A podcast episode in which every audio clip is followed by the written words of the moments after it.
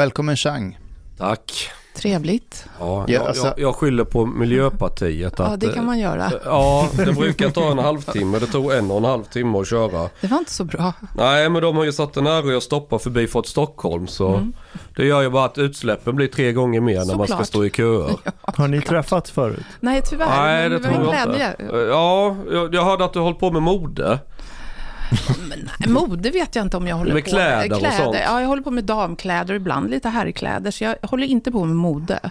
Det, det är nog, jag, tror, jag kan inte komma på få saker som är mer väsensskilt mot vad jag har koll på än, än mode och speciellt Fast, dammode. fast du ser ju ganska modern ut idag i din... eh, I, I min Ja, plysch-overall. ja, ja, den känns superhipp. Jaha. Oj, oj, oj. Oj. Så här, här kommer aldrig ha på sig den igen. Ja, Vad synd. Men vänta, det där var jätteintressant. Du sa jag håller inte på med mode, jag håller på med kläder. Ja. I, I folkmun så är det samma sak. Varför, varför skiljer du på de två sakerna? Mode är ju en sak som är en bestämd tid. Sen kommer det ett nytt mode, sen kommer det ett nytt mode, sen kommer det ett nytt mode. Jag gör mer klassiska kläder som så att säga inte blir omoderna, utan du kan ha dem tills de eh, går sönder, eller så hänger du in dem och tar ut dem igen. Till exempel modet som är nu, om man tittar på kvinnomodet, det är ju liksom för stora kavajer, ja, magtröjor, höga Ja, jeansen går upp till 80-tals jeans, höften, ja, med lite väck på. För mig när jag ser det, jag mår illa när jag ser det. Jag kommer, jag kommer ihåg 80-talet, jag hatade 80-talets kläder. 80-talet är väldigt inne just nu. Ja, jag, tycker det, jag tyckte det var, jag gick på Beckmans då, jag tyckte det var lika fult då som jag tyckte nu, tycker nu. Så när jag gick på Beckmans på 80-talet hade jag mest typ såna här klänningar från Christian Dior på mig från 50-talet. För jag hade bara 50-tal och 40-talskläder. För jag tycker det är snyggt. Och Om man vill ha sådana här du vet 50-tal Ja. rockabilly. Ja, det är fint. Var hittar man sådana idag? För vi är ett gäng raggare som... eh, och- Alltså, alltså, du skulle kunna hitta på Beyond Retro. Aha. Det Skulle du ligger kunna inte hitta. i, i Bås, Bålsta. Nej, men man kan handla dem på nätet och det kommer fort som fan. Beyond Retro, finns inte de i Täby centrum? Det vet jag inte, jag är aldrig där. Ja. Alltså Ja, Beyond Retro finns finns, en där. stor finns i Zinken. Och visst är det begagnade grejer som de har Ja, ja, det hittat är och begagnat. Och där restaurerat? har du ju hawaiiskjortor, du har hela det kittet. Men om jag vill skapa chans eh, Mm. top notch eh, eh, klädmärke här som är 50-60-tal, eh, Mm. sådana här lite rockabilly. Eh, Ja, snygga brallor med lite hög. Ja, ja, då går jag till dig då för att få dem uppritade och designade. Ja, om du vill ha en sån look så kan du gå och sy det hos mig, för då skickar jag det till en fabrik i Tjeckien. Så kan du få riktigt höga, snygga brallor med knäppning i sidan. I något Ja men design, men jag kan ju inte rita kläder, det kommer nej, ju nej, se ut nej, som men en då, femåring då, då gör vi det till dig. Då, Ja. då kommer du med en bild, så här vill jag se ut. För jag har ju Mm. eh, potentiellt 50 000 raggare där ute som, eh, eh, som kunder. Underbart. Ja, men raggarna, raggarna har stil. Jag tänker raggarna i Torsby har alltid stil. Eh, Ja men det, det, det, det, Stil, det, raggarstilen är bra. det finns två subkulturer här. Mm, ja. Du har, eh, nu vill jag inte säga, Sen har du Amerikaraggarna, de är lite mer eh, eh, skinnjacke. Du lite tänker motorcykelkillarna. Ja, lite, lite åt det hållet. Ja, men jag skulle säga så Mm. här. eh, Du har, det finns olika subkulturer. Du Ja. har ju den sämsta då, det är de som är inhoppade bilar och, och, och spelar barnförbjuden musik och Mm. tävlar i vem som blir mest full och kräks i baksätet. Det är en grupp, Mm. de hittas främst i Värmland runt Karlstad och norrut mot Sunne och där. Sen har du ju de här eh, eh, folk som är 40 plus som har en bil som är värt min, kanske en halv miljon Mm. Ja, eller de mer. fina. Som de Ja. har verkligen toppskick. Mm. Och de är ju noga med klädsel, musik, alltså allting, frissan, allting. Snyggt. Det är den här stilen som Ja, var då. både kvinnorna och männen Ja, ja också. men de är ju propra, de är ju välklädda, men Ja. 50-tal. Eh, jag tror att vi har en renässans, om vi ska prata mode eller trender eller något, men jag tror att det kommer kanske börja slå igen. För jag har märkt att i valrörelsen nu till exempel, flera politiska partier vänder sig mot den här gruppen. Miljöpartiet har gjort det. SD har en raggarbil de har strejpat upp. Moderaterna har en eller två bilar de har strejpat upp. Och jag tror, jag vet inte om det, jag började med min Impala och sätta kärnkraft.se på den ju, alltså marknadsföra. Men jag har ju sett att många vill, Som du gör nu. ja, ja men, men min, min, min poäng är att Att du några må, ett halvår senare så ser jag tre politiska partier börja liksom på olika sätt approchera samma grupp. Ja, men jag gick ju på Strömbron häromdagen Ja, på väg till Grand Hotel och då såg jag en rosa raggarbil. Det i stod, Cadillac. Ja, eh, så det nej till hedersförtryck på den. Och jag bara, vad är det här? Så jag sprang fram och Det är filmade den. jättespeciellt. Ja, och då stod det. SD Ja, 20, en 2022. rosa. Aha. Ja. Jaha, det var SD. Det var SD, det är klart det var dem. Men, men då måste man fråga så här, hur många raggare finns det? Eh, Organisa- hur många organiserade raggare finns det? Ja, jag är det skulle säga, speciellt jag skulle att säga att rikta sig mot dem just? minst, minst 50 000 individer skulle Ja. jag säga. det är Min, bra. ja, det, är, det är Ja. lågt, det är Mm. lågt räknat skulle jag säga. Om man räknar in alla deras anhöriga. Du, vi pratar ett par hundratusen. som är, ja, men ska vi prata potentiell målgrupp Ja. så är det i alla fall ett par hundratusen skulle jag säga i Sverige som skulle vara intresserade av detta. För jag, min dröm som jag skulle vilja göra i framtiden det är ju återuppväcka den här Folkets Park-traditionen med dansband och hela köret. Eh, och inte för att jag tvunget gillar dansband, det är inte det jag säger, men miljön, atmosfären. Eh, du har något som heter Dansbandsveckan i Malung. Det är ingen som vet om det innanför tullarna i Stockholm. För DN skulle aldrig åka dit. Det är för Nej, långt så är det ju, för dem. ja. Ja, men den har växt och växt. Det är en av Mm. de stora grejerna som sker utanför, liksom, på landsbygden. Det, eh, Jens Ganman åkte ju på det här eh, rallycross eller vad det var. var Ja, han och jag var på Ja, Urkult. du var med. Ja, ja, det också. Men det finns ett antal sådana som är väldigt, väldigt stora och det är grupper som folk i Stockholm oftast inte har en aning om finns eller den här kulturen existerar. Raggarkulturen vet man eftersom på Sveavägen kommer det bilar och stökar. Men sen vet man nog inte mycket mer. Men jag, alltså, det är en målgrupp inte bara att de är hyfsat många. Jag skulle säga mellan 100 och 200 000 to, total träffyta Mm. som potentiella kunder. De har pengar också. Mm. För då har, har du råd att lägga 5, 6, 700 000 på Ja, att hålla ja, din ja. bil i ordning. Då har du råd att köpa ett par jeans för 1500. Mm. Men det finns ju hemsidor med sådana här 50-talskläder, jättefina för kvinnor. Ja. Det borde finnas det för män också. Jag har inte studerat det, men det finns alltså med 40-talskläder och 50-talskläder som är nysytt. Jättesnyggt. Så det finns sånt. Och Ja, många, men det, är lite, det är lite lurigt att hitta. Ja, det är lurigt att hitta dem. För eftersom jag jobbar ju med teater också, så sitter jag ju ibland till föreställningar, måste man sitta på nätet och glo vad man kan hitta de här grejerna. För ibland har man inte råd att sy det, för det är för dyrt att sy, för det finns liksom inga pengar att sy fem asflotta 50-talskostymer i den här looken. Då kan man, sitter man och joxar så hittar man det till slut. För det finns som du säger en jättestor marknad. Ja, det tror jag. Och sen är ju det där modet väldigt snyggt. Klädsamt. Ja, det, det är ett kul, alltså det är ett kul, eh, det sticker ut. Det var ju, tjejerna ska ju ha ett sån här speciell frisyr och en blomma i håret gärna och det ska vara stora röda blommor på klänningen liksom och ja, ja åt det hållet Ja. lite. Ja. Do the guys wear wife beater? Vad hette det? Wife beater. Vad är det? Nej, det har man inte i den kulturen. Vad är det för något? Wife Det- beater, det sån här är- linne med en ketchupfläck på som Nej, du har nej, på nej. dig när du slår Nej, nej, nej, inte, inte ketchup. Det är, det är tanktop, linne. Ja. Eh, Nej, but- nej. Ja, nät, nätmönster. Du är Nej, i nej, hålet. Brynja, Ja, brynja nej, nej. det. But, but I'm also like curious, like, why did they decide to name it that? It's like very strange thing to like, okay, we have this new like clothing item. What should we call it? För att alla som, för alla som köpte den slog sina fruar. Det, kanske, det var kanske inte så den hette från början konstigt. men det hette så i folkmun sen. Eh, det, kanske skulle, det. det låter som en sån grej. Men, men varför är det just kläderna från 50-talet och bilarna från 50-talet som har blivit odödliga? Vad med det gör det så odödligt? Men det är väl det här uturerade, de här bilarna är ju som smycken när de är i ordning gjorda. De är ju fantastiska. Och de, det är väl efterkrigstiden också när man gasar på och lyxar till det. Pengarna Ah. kommer, industrin kommer. Och, och under kriget så var ju alla ute, gubbarna var ute i krigen och kvinnorna fanns mindre tyger.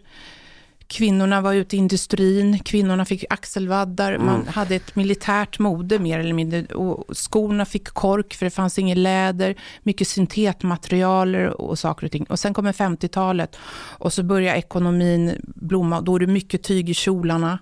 Som Christian Dior gjorde ju The New Look 1947.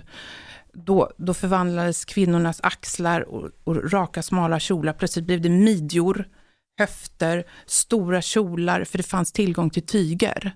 Mm. Och nätt och kvinnligt som fan. Och, och det var ju ramaskri då, det, det, totalt ramaskri. Men den looken Av tycker- moraliska skäl eller? Ja, nej men bara, ska vi in i korsetten igen? Men Aha. jag tycker ju den looken är väldigt snygg. Den Ja, det- kurviga looken tycker jag är Ja, väldigt ja. snygg. Den gillar jag. Men va- varför dras inte alla kvinnor till den looken? Eh, Borde, eh, är det för jag att vet de... inte, jag försöker så gott jag kan. Jag har ju gjort korsetter och allting. Nej, men nej, men att kvinnor har lä- lämnat, men du Mm. nämnde att idag så är det ja, men kvinnligt mode, oversized kavajer, Mm. oversized jeans. Det är sånt där som går i cykler. När det är klart så kommer det bli midjor och byst igen och höfter. Men vad, ty vad tycker du till exempel om burka-designen i, i Kabul i Afghanistan? Burka-designen, nej jag, jag, har, jag är mycket ytterst tveksam till den. Ja, det Sen, så. så Det beror vet, ju på vilken färg. Eh, sen vet ju jag, alltså, jag har ju sett burkor, jag har ju sett riktiga burkor. Det är ju fina hantverk, de här näten här är ju fint. Jag menar, det måste ju finnas lyxburkor och B-burkor. Det finns, måste ju finnas burkor i alla sekvenser eh, beroende på hur mycket pengar man har. Ja men i Dubai och Qatar så är det ju så. Det Kommer du finns burkaffärer. Med, ja, men med jättedyra prislappar. Ja. Ja, men säkert mm. helsidenburkar med Ja. helsiden broderat och bla bla. Och sen har du plastburkor. Finns det rainbow, man- rainbow burka? Precis. Finns det rainbow burka eller? Nej, det, Nej, Alltså, inte det- än. Det- Regnbågburkar. Ja. Nej, det, borde kommer man göra. tur. man är för Ja, en rainbow, ja! Varför finns inte det? De har, de, har- de, de, de har väl inget emot homosexuella? Vem? De med burka. Vad är nästa? Ska man burka för, för judar också? Att man signalerar att man inte har något emot dem. Något måste ju burkan signalera. Ja. Men burkan är mycket, mycket intressant plagg. Ja, jag, jag föredrar nog 50-talslooken där man vill framhäva kvinnlighet istället för att dölja den bakom en Ja, plastpåse. jag, jag är Åh, helt titta. med dig. Jag är helt... Var, var, varför tror du kvinnor idag har lämnat, inte alla kvinnor, men många kvinnor idag, speciellt i storstäder, har lämnat klädplaggen som är så kallat kvinnliga, som följer den kvinnliga kroppen? Jag tror att många tror att det är bekvämare att ha en kostym, en kavaj, skjorta och ett par byxor än att ha en klänning eller en kjol. Är det det då? Nej, Det borde det väl inte vara? Det är mycket bekvämare att ha en klänning. till och med som kille är det bekvämare Ja. att gå i en klänning. Ja, det är därför halva. Mellanösterns män har klänning på Ja, sig. ja, och då är det ju så här, till exempel om jag, jag brukar åka på stora tygmässor två gånger om året. Och jag har ju alltid klänning då. Och som ni vet, när man ska gå på damrummet så är det ofta en halvtimme, timme kö på sådana här stora ställen. Mhm, mhm. Och jag har fan inte råd att stå i någon jävla kö i en halvtimme. Jag kanske går på damrummet tre gånger på en hel dag, från klockan nio till klockan sex. För man får en drink här, och man får lite vin där och lite kaffe här och bla bla. Alltså jag går ju på herrrummet direkt. Min kollega Anders är med mig och så bara leder han in mig på herrtoan. Så går jag där, så jag är ute på, en, jag är ute på två minuter, jag är ute före honom. Jag går ofta på herrmuggen, för det går fort och snabbt. Jag har en fördom, brukar det inte vara mer äckligt på tjejernas toa än på Jo, killarnas? det är precis så det är. Va? Att- Är det varför? sant? Så är det, Chang. Exakt så är det. Varför? Det make inte sense. ja, jag vet inte heller Nej, varför. Jag Nej, vet- jag vet, det är jätte, jättemärkligt, men kvinnor är så här, när man har en papperskorg och så lägger man pappret och så ramlar det bara över. Det är ingen som gör och petar ner pappret. Så att, Ja, det gör inte killarna heller. Men killarna använder inte papper. det är därför det är rent. Nej, men jag vet att om du går på en krog och Mm. krogen har stängt och så går du in och tittar på tjejernas hur det ser ut Ja, Mm. och ja. sen jämför med killarnas Mm. så är det en jävla skillnad. Det är det. Men Den- är det inte helt enkelt för att killar använder inte lika mycket papper som tjejer? Ja. Det jag måste- tror inte det handlar bara om För papper. killar stoppar inte heller ner händerna och petar ner pappret. Jag har hört, det är anekdoter, men jag har hört att det kan grisas riktigt jävla, alltså på en nivå som inte killar någonsin skulle göra på toa.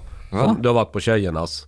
Men det, det är anekdoter så jag vet inte. nej, men, eh, men kvinnorna är ju inte mycket bättre än männen. Man har fått för sig att det är så, men det är inte riktigt så. Är det inte? Nej, Nej, det är när man tyvärr. går- när man- tyvärr är det inte så. Jag vet det är att- samma. Jag, jag- vet att när, när, när tjejer står vid, vid spegeln och på krogen och ska fixa sig innan de går ut igen så det pratas väldigt mycket mer kuk och fitta där än vad killar pratar på, på killtoan. Ja, det är Men det är helt generellt så. Ja, det är, tjejer är mycket, mycket värre och de är mycket mer detaljerade. De ska prata om sin pojkvän, eh, ja, när han får upp den och inte och hur stor den är och hej och hå, jämföra och prata. Det är väldigt tjejsnack. Det är så mycket har jag förstått. Sen vet jag en annan sak också. Mycket bra. när, när, när tjej... jo, men det, det, här, det här är faktiskt intressant psykologiskt när vi är inne på ämnet. när en kille klär upp sig, då Mm. klär han upp sig för att han, var, han ska vara attraktiv för tjejerna.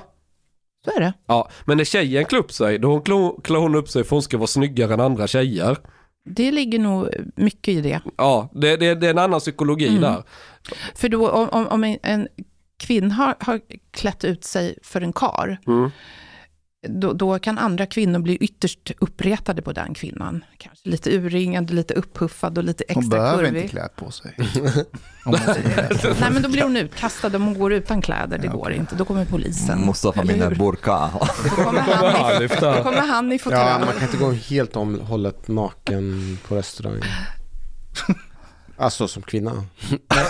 Vi kan, vi öppna en väl nudisttest då. Vad heter, vad, då, då blir hon arresterad tror jag. Om, om Av en- Hanif. Ja, Förargelseväckande beteende tror Ja, jag man kan- så ja. är det. Men om ingen blir arg då? Om alla blir glada när det kommer en Ja, snygg... då, då är det väl ingen som har kontakt, då finns det ingen anledning för oss att komma då. Men om du står och råkar se detta, vad gör du då? Kan du hålla ta, tag i henne? För det finns ju risk att man råkar... Om, om hon kommer fram Hanif och säger jag gillar män i uniform. Ja, det har ju hänt mig på riktigt. Ja, När jag var på Kinky-hörnan på Pride. och då hade jag också själv uniform på mig. Nej men vad, jag vet inte. Man... det, jag, det är då du går och köper en glass istället för att Nej, kyla ner jag, dig. jag vet inte. Jag har inte hamnat i den situationen så jag kan inte säga. Men eh, kanske ber dem kanske att ta på sig lite, någonting. lite 68 kanske det där skedde. 68, Ja, i samband med hippierörelsen. Ja, lite så. Där Ja. kunde man nog se. kan inte folk- du berätta om den tiden? Vi andra, vi är lite yngre, vi har inte Alltså- upplevt Nej, men du vet, jag, jag är född 61, så jag var ju liten då också. Jaha, okej. Jag var ju liten. eh, och år jag, då. Ja, okej. Så att jag, jag... På 70-talet, det var jävligt proggigt på 70-talet. Och när jag gick på Beckmans 80-tal var det proggigt också. Jag som är total analfabet Mm. om allt, för jag är från en dum Mm. skåning. Vad är Beckmans? Beckmans är en, eh, Anders Beckmans skola är en design och reklamskola. Jaha. som är väldigt fin och bra. Och nu har de flyttat ut och ligger på Lidingö i eh, Aga. Jag tror jag, gamla de här Aga-fabrikerna. Jätteflott, jättefint. Så det är en designskola där de flesta har gått. Och de flesta stora reklamare har gått där också. Och vad är proggigt för något? Vad betyder det? Proggigt är det 68, bränn bh, majong, när kvinnorna inte fick ha smink på sig. Jag vet min man brukar berätta för mig ibland om hur det var då. Han kan berätta för er om hur det var på 60-talet. När kvinnorna i, i de här proggkretsarna, kulturkretsarna, kvinnorna fick inte sminka sig. Det var mycket sånt. Då blev man mobbad. Då var man lite snygg kvinna blev man mobbad. Hade man lite stor byst valde man att gå och operera bort bysten för det var inte... Va? What? Ja, ja, ja. Oj, Jag känner sådana. shit. Och de damerna, är, de damerna idag, de är väl kanske 65, 70, Det är 70 ju- det är mer. De är skitmörkt. 70. Mm. Men det är ju 68 vänstern och som tog över public service. Det kommer ju därifrån ju, den här Mm. progressiva. Ah, Okej, nu börjar bilderna du nu, falla feminismen, på plats. Ja, du vet så den här- okej, Hår under armarna, Ja. feminismen. Ja. Är det proggigt? Ja, Ja, det är det super- började Är det 68. progressivt? Är det Ja. därifrån ordet? Ja, Ja. Det, det är ju inte direkt progressiv, men Nej, det är det inte. Men det är väldigt kallas så. De kallar sig Ja. ju progressiva. Proggmusik, Mm. eh, alltså vad, vad betyder... Träd, gräs och stenar och annat. Mm. Men det är den här Nationalteatern. nidbilden av feminister. De är ganska Ah. roliga. Ja, det är de. Mm. Det påminner om en artikel eh, i, ni vet, vet du vem Barry Wise är? Ja. Ja. Hon skrev ju för New York Times förut, nu har hon sin egen Substack. Eh, och hon har varit så här kritisk till vissa politiska rörelser på sistone. Hon skrev en artikel eh, som handlar om att ja, men den här idén om att ja, men kvinnor och män är egentligen samma sak. Kvinnor är lika kåta som män, kvinnor ligger lika ofta som män, kvinnor och mäns sexualitet är ingen skillnad, det är bara kulturellt vi har förtryckt kvinnorna.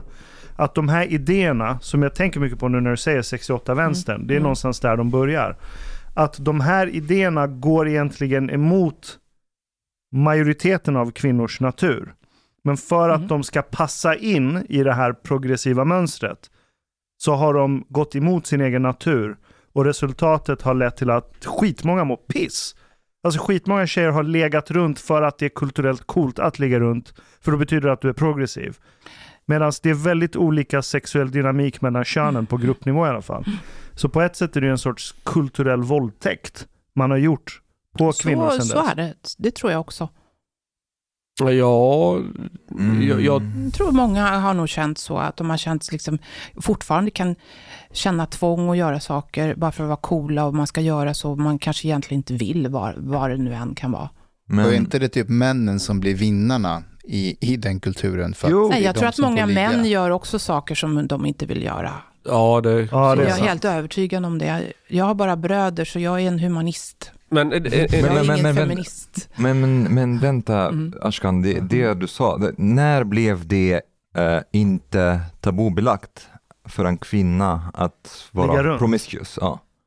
Alltså, Det- det var till- så här, det har till- aldrig varit inte tabubelagt. För fastän man har utåt sagt, men det måste väl börjat i Sverige med 68-vänstern, right? Mm, ja. Någon gång då.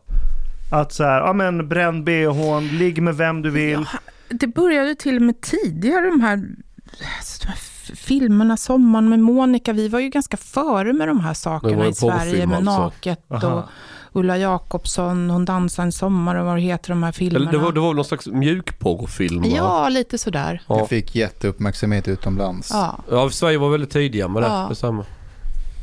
Ja, uh, Alltså Eh. utåt sett har man betett sig så, men jag tror att internt inuti tjejcirkeln så tror jag att man har horstämplat varandra och kallat varandra för slampa och det Så är det ju, så är det ju. Så Och har män det har gjort alltid det också. varit. Men, och män också.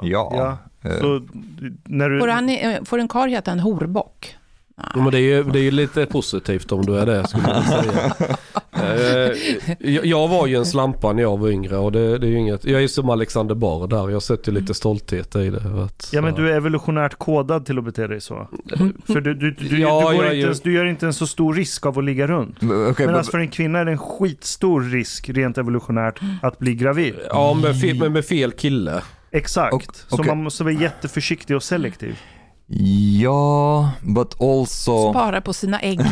Ja, But but but, uh, so här, the, under a very long time, the, maybe there has been an overcorrection within certain circles, but under a very long time it was the opposite. Like the the, the sexuality of women was like very repressed, ja jag vet. uh, and and like uh, you know like everything has to do with the female body and so on.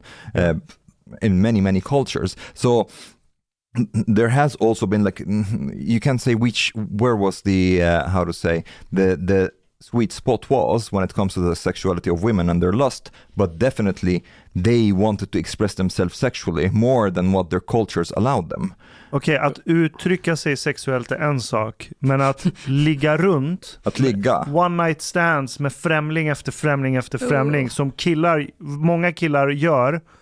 I De vill göra men det är nog få och gör som de gör. inte det så vill de, men de Ja. kan inte. Ja. För att de, de är inte så har det nog varit i alla tider tror jag. Ja, och okej fine, det finns kondom, det finns p-piller och sånt. Men psykologiskt är det ju samma apparater vi bär på. Mm.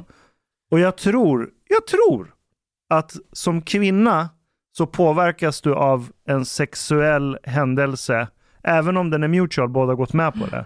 Speciellt om du är ung, 16 eller någonting, och ligger med en random kille för att det är kulturellt coolt att ha gjort det. Jag tror tjejer påverkas annorlunda av det än en kille som är lite full och ligger med en tjej. Det tror jag också. Tänk hur många, hur, hur, vilken stor psykisk ohälsa det är bland unga, unga vuxna. Tonåringar, både flickor och pojkar idag. Så var det inte när jag var tonåring. Nej. På det Vad tror du som att det det är beror på? Sociala medier. Eh, Det är Nej. hetsen att eh, jag vill vara speciell, jag vill vara som du. Och hur också det här med sociala medier. Sociala medier är ju bra, dataapparater är bra, allt sånt där är bra. Men man sitter och jämför sig med allt och alla. Och eh, jag vill se ut som du och man är inte nöjd med sitt utseende. Hela den hetsen om hur man ska se ut. Det är jätteintressant nu med alla unga kvinnor som är som under 20 år, som sprutar in saker i ansiktet Ja, och munnarna och, och allting. Och det där kommer ju från en porrkultur. Och där kan man ju förstå att man gör sådana saker, gör stora pattar, man gör stor mun och alltihop. Det tillhör ju den fantasin. Och i porrvärlden så är det ju kvinnorna som tjänar mer pengar än männen. Mm. Är det så? Ja. Det är den enda jämställda branschen. Ja, så är Om man, nu, om man nu ska definiera jämställdhet på... Och sen de här gamla porrstjärnorna, när de är klara tar de ju bort allting, för då har de ju jobbat klart. Då vill de inte ha de här jättepattarna längre. är det sant? De är trötta på det, ja. Men jag- funderar, det här se- 68-rörelsen när man, när man vände sig, Låt armhåret växa ut, kasta bhn, hej och hå. Gör dig ful kan man ju säga. Jätteobekvämt. Eh, Liksom. Ja, men, men mycket av den rörelsen, det var ju en protest mot det man definierade som borgerligt. Och att, att vara anständigt klädd, att vara lite fint klädd och lite så här, det var ju liksom ett borgerligt ideal. Och, och, och i det så, så tänker man att det finns något förtryckande, något maskulint. Borgerligt patriarkalt. sexually conservative? Ha- Alltså jag skulle vilja hävda följande. Om man lyssnar på gamla snuskvisor från 20 och 30-talet. Som du har gjort. Ja, det har jag. Eh, Det var Dan Kohn bland annat som har koll på Eh, dem vad heter den där svenska artisten? Johnny Bode, Yes! Ja. Har ni hört Johnny Bode? han är fantastisk. Ja, Det är så jävla vulgärt. ja. det är jättekul, det är, så- hur det är kul som helst. Ja, vad det är? Johnny Bode, du kommer älska Men Johnny det- det Bode. var inte kommer vara bara- den enda du vill höra på hela det, det var inte bara Johnny Bode som sysslade Nej. med sån här snusk. Det var min farsa som är död sedan jättelänge. Han var född 1929 så han var rätt gammal när jag blev till. Kan tilläggas. Han hade, jag kommer inte ihåg vem tecknaren var men det var någon slags, eh, så vad heter det sådana här när man trycker eh, teckningar. Etsningar. Eh, Ja, ett, cell, någonting sånt. Eh, tror jag det var på väldigt vulgära eh, bilder. Och det här är gammalt. Det här pratade, alltså det är 20, 30, 40-tal någonstans i Sverige. Men alltså det var sådana, närmast något Onkel Konkel skulle hitta på. Om ni förstår på vilken nivå. En doktor som glor någon in i röven och pungen hänger. Alltså väldigt så här detaljerat. och, och, och de här är värda pengar idag. De hade han hur många som helst av. Och det var gamla grejer. Och jag vet, det Det är finns superkuriosa. Ja, det, ja, ja det är det. Då var det lite fulkultur och det var lite, du vet, hö, hö. Men eftersom detta fanns och det här var inte, det här fanns ganska utbrett i samhället. Men det var inget man visade utåt utan det var något man hade hemma. Men det säger mig att folk var ändå ganska frisläppta. Det var, man var inte rädd för att tillverka de här sakerna och ge till varandra. Men utåt så var man lite pryd, man, man, liksom, man skyltade inte med allting. Tryckt upp det i folks ansikten utan man hade en fasad utåt liksom. En proper. det var ju precis. så. Folk Ja. var ju, såg ju Och jag, jag, tror, jag tror att det där kan mycket väl komma tillbaka. För nu har man kört så himla långt i den här, femin, jag, jag kallar det feminist, jag vet, hittar, hittar inte ett Jag vet bättre inte ord. vad man ska kalla det för. Men, men, Alla ska visa fittan eller här och där. Liksom. Ja, det, ja, det är också menskonst och allt vad det är. Orkar man?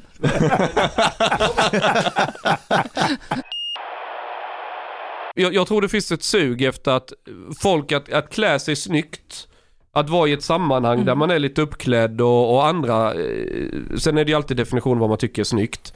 Men lite proper Ja. och sådär. Men det är det du gör Camilla med ditt klädmärke Camilla Thulin. Mm. Vad, vad, hur kom du på den idén?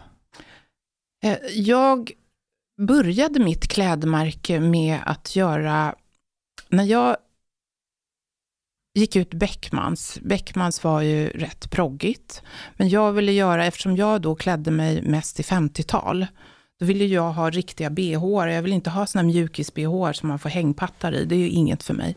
Och då sitter ju bystvecken högt upp, då måste man ha riktiga bh Då fick jag gå och handla bh i, i, i, semiporrbutiker röda med svart spets på. och Så. Oj, oj, Jag vill oj. ha snygga bh, jag vill inte ha en hudfärgad. Tack, ska man ha en bh vill man gärna ha en grön eller en röd eller lila som är snygg. Och då bestämde jag mig att jag ska bli underklädsdesigner, jag ska bli bh-designer och korsettdesigner. Mhm. Alla bara mm. Och I, det kla- I, I smell den, business. den, den, den, den klassiska 50-talslooken, men med modernare material. Ja. Och roligare tyger, typ röd siden med svart spets ovanpå, tycker jag är fint. Eller gult med svart utanpå. Det passar de här väninnorna i de här fina bilarna. Mm. Så då så i alla fall gick jag ut Beckmansskolan och, och gjorde såna här underkläder. Då träffade jag en korsettdrottning nere i Borås som har gjort de här grejerna på 50-talet. En korsettdrottning i Ja, en Borås. riktig korsettdrottning, Berit Rydin. Ja. Mäktigt. som har gått på BH College i England. BH-college. Förstår ni? Skråka. Nej, och då, då började jag min korsettkarriär med mitt egna varumärke Camilla Thulin. Eh, med kurviga korsetter. Jag hade en fabrik i Finland, en stor fin bh-fabrik. Och mina korsetter, det sålde.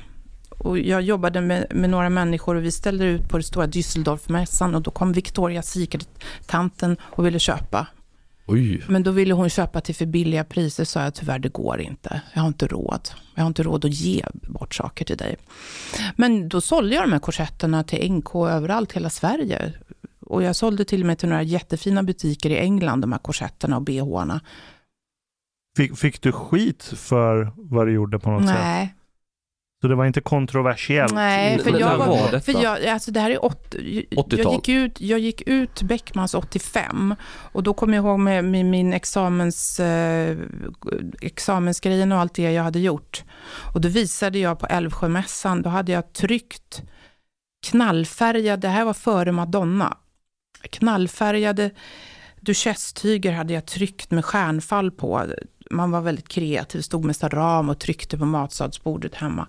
Så jag hade så här knallgult, illrosa, illgrönt och lila. Och så syddes mina plagg på korsettfabriken nere i Borås. Och så hade jag då modeller, jag hade modeller av alla storlekar med jättepattar, inga pattar alls, såna här rövar och såna här smala midjor och olika hudfärger. Och idag är det ju väldigt viktigt med yta. Jag var före det. Det är väldigt ytligt allting nu.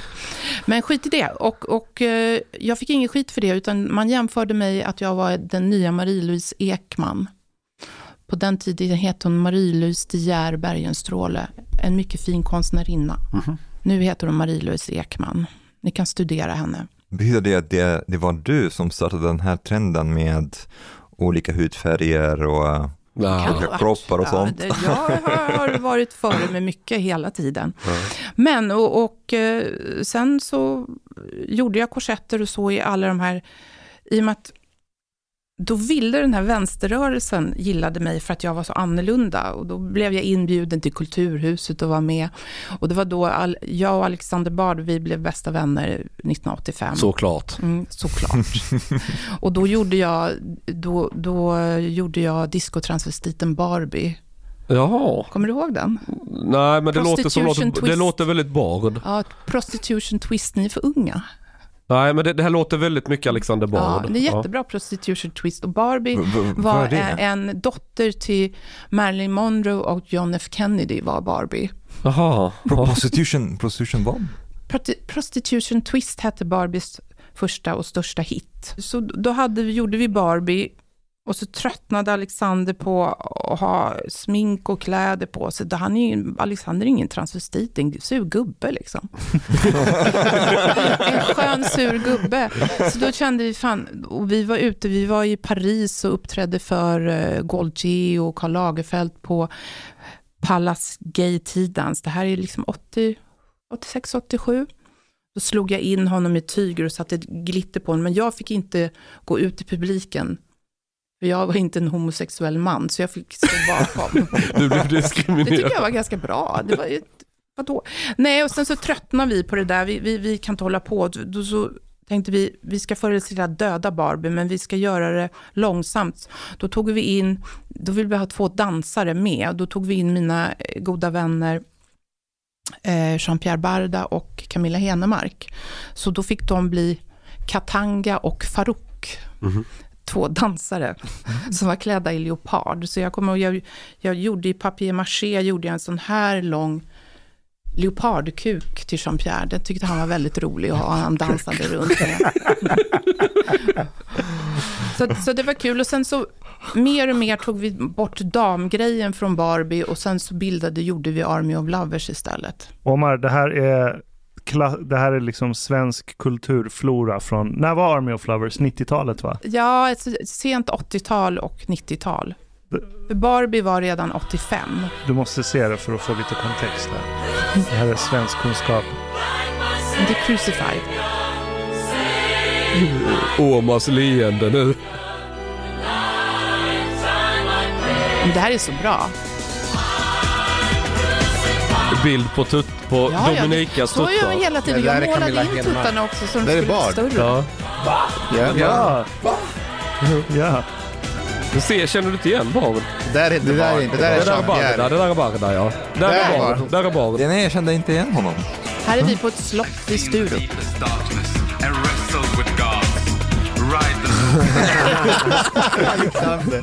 Det är min hund.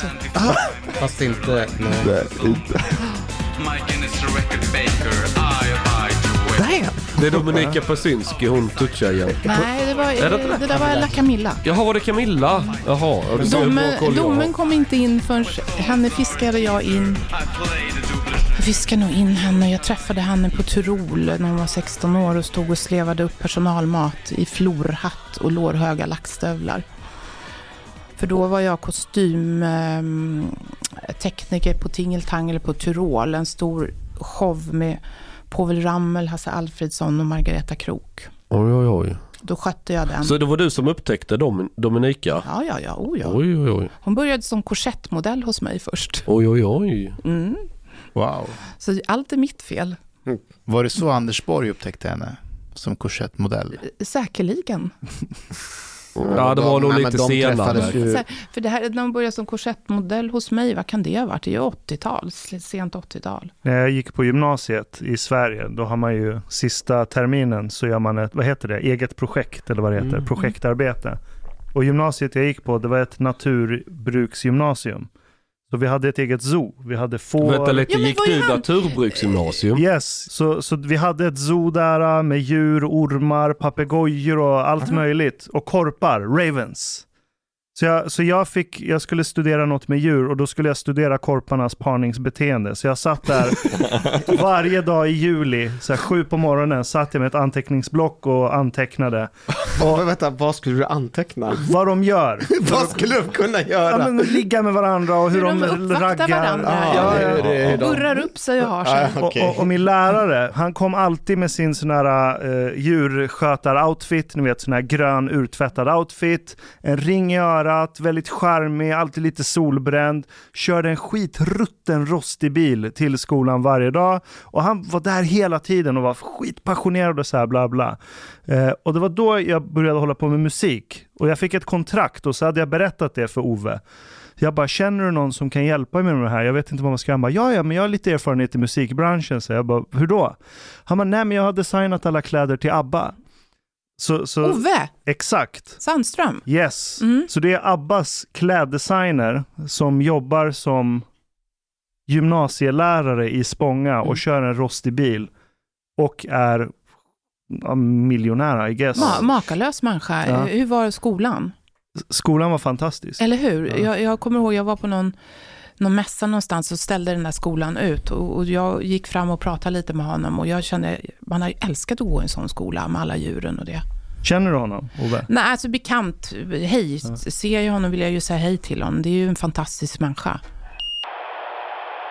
Jag visste inte att du seglade. Ja, men jag har varit segelfröken och sånt. Är det sant? Ja, Vad är Okej. segelfröken för något? när man lär små barn att segla. Aha.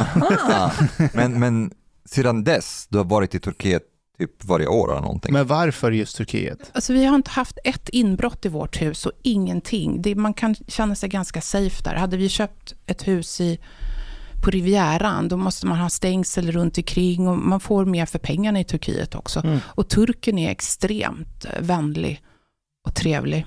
Känner du dig mer säker i Bodrum än i Stockholm? Ja, Jaha, Lätt. gör Är du? det sant? lätt. Ja, ja, ja. ja. Det här Aha. kommer du få skit för. Mm. För Hanif och jag var i eh, Dubai. Ja, exakt. Och så skrev vi något inlägg om att det var väldigt tryggt i Dubai. Man kunde Mm. bara lämna sina Mm. grejer på stranden och Mm. gå och bada. Ingen, tog, ingen låste sina bilar. Oj, vilken skitstorm vi fick. Mm. Det var ju för att det inte fanns några mänskliga ni? rättigheter. Ja, hur vågar ni säga att det är tryggt där? För det ja, de, Ja, då kommer det, ja, ja. Så eh, nu bor vi ju i Bodrum och det är väl det mest sekulära i hela Tur- Turkiet. Men, men förutom politiken som har eh, förändrats, har du märkt att samhället har också förändrats i Turkiet? Jag tror om man är i de stora städerna och runt om så tror jag att det har förändrats. Men, men i Bodrum har det inte förändrats så himla mycket för det är ju sekulärt. Dit skickar man ju folk som man inte vill ha. Jag såg en eh, dokumentär på eh, Netflix om katter.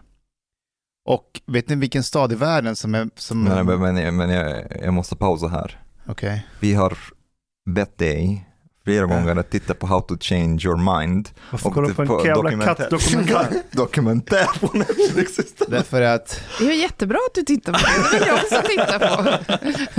okej, Är det den här Därför att det är Ida inside- som bestämmer. Ja, det, det är Ida som... Han vill Mycket inte bra. säga. Ida är en mycket fin kvinna. Ja, hon älskar katter. Är den här. Inside the Mind of a Cat? eller Ja, vad? exakt. Är det den? Okej. Och de hade med Istanbul, det är typ världens mest kattvänliga Ja. stad. De Ja. har till och med lagar för hur fin man ska mot katter. Och de här katterna, de bor ju inte hos människor, de bor i staden. Så Mm. de bara hänger omkring och så... Därför det var fett mycket kattungar som sprang runt på gatorna i Istanbul när så jag var är det. där. Som jag menar i våran by, Ah. alltså Bodrum kommun, de har alltså ute på gator har de små eh, katt och hundkar med vatten som fylls på. Automatiskt. Ja, och Ah. sen, så, och sen så samlar de in lite då och då alla eh, tikar, hundtikar och chippar de med öronen så de har kontroll. Så du ser inte en mager hund som springer runt utan alla hundar är jättetjocka och jättestora. Och katter får mat överallt. Så, och i min by så är det kanske sju veterinärer. Men eh, turkarna spräcker ju myten om att man i Mellanöstern är taskiga mot hundar och katter. Ja, jag har inte sett några turkar som är taskiga mot hundar och katter. Snarare att de matar och ser till och, och så. Och till och med nu börjar man se turkar gå med hund i koppel också. Ja, fint. Nej, och jag menar eftersom i min lilla by finns det sju veterinärer. De skulle ju inte vara där om de inte behövdes. Och så finns det 24-7 djursjukhus i, i Bodrum som är öppet jämt. Jävlar. Så under coronan när en av våra katter höll på att dö, då fick man ju inte åka bil på söndagar, men då hade vi, man fick åka till veterinären och till sjukhuset. Då hade vi blivit stoppade av polisen. Varför är ni ute och åker? Vi har en katt som är sjuk. Varsågoda och åk. Mhm. Vart kommer den myten ifrån att mellanöstrare hatar djur? Men det är så. Eh, i, Det är islam. det, det, ligger, det ligger... Nej, det är det inte. Ja, men Vänta, det, vadå, vänta, det, är, vänta. det är ju djur, djur är ju smutsiga. Det är en hundar. missuppfattning. Alltså Hundar och grisar. Nej, men Ashkan, vad hundar. menar de egentligen när de Nej. skriver så? Kan, kan jag säga någonting, jag som kommer från Mellanöstern? Ja. Det är bara du som kommer från Mellanöstern. Ja, vad Vi, jag har inget med Mellanöstern att göra. Alla är från Mellanöstern, Ja. Camilla bor i Mellanöstern. här. Nej, jag är inte född här.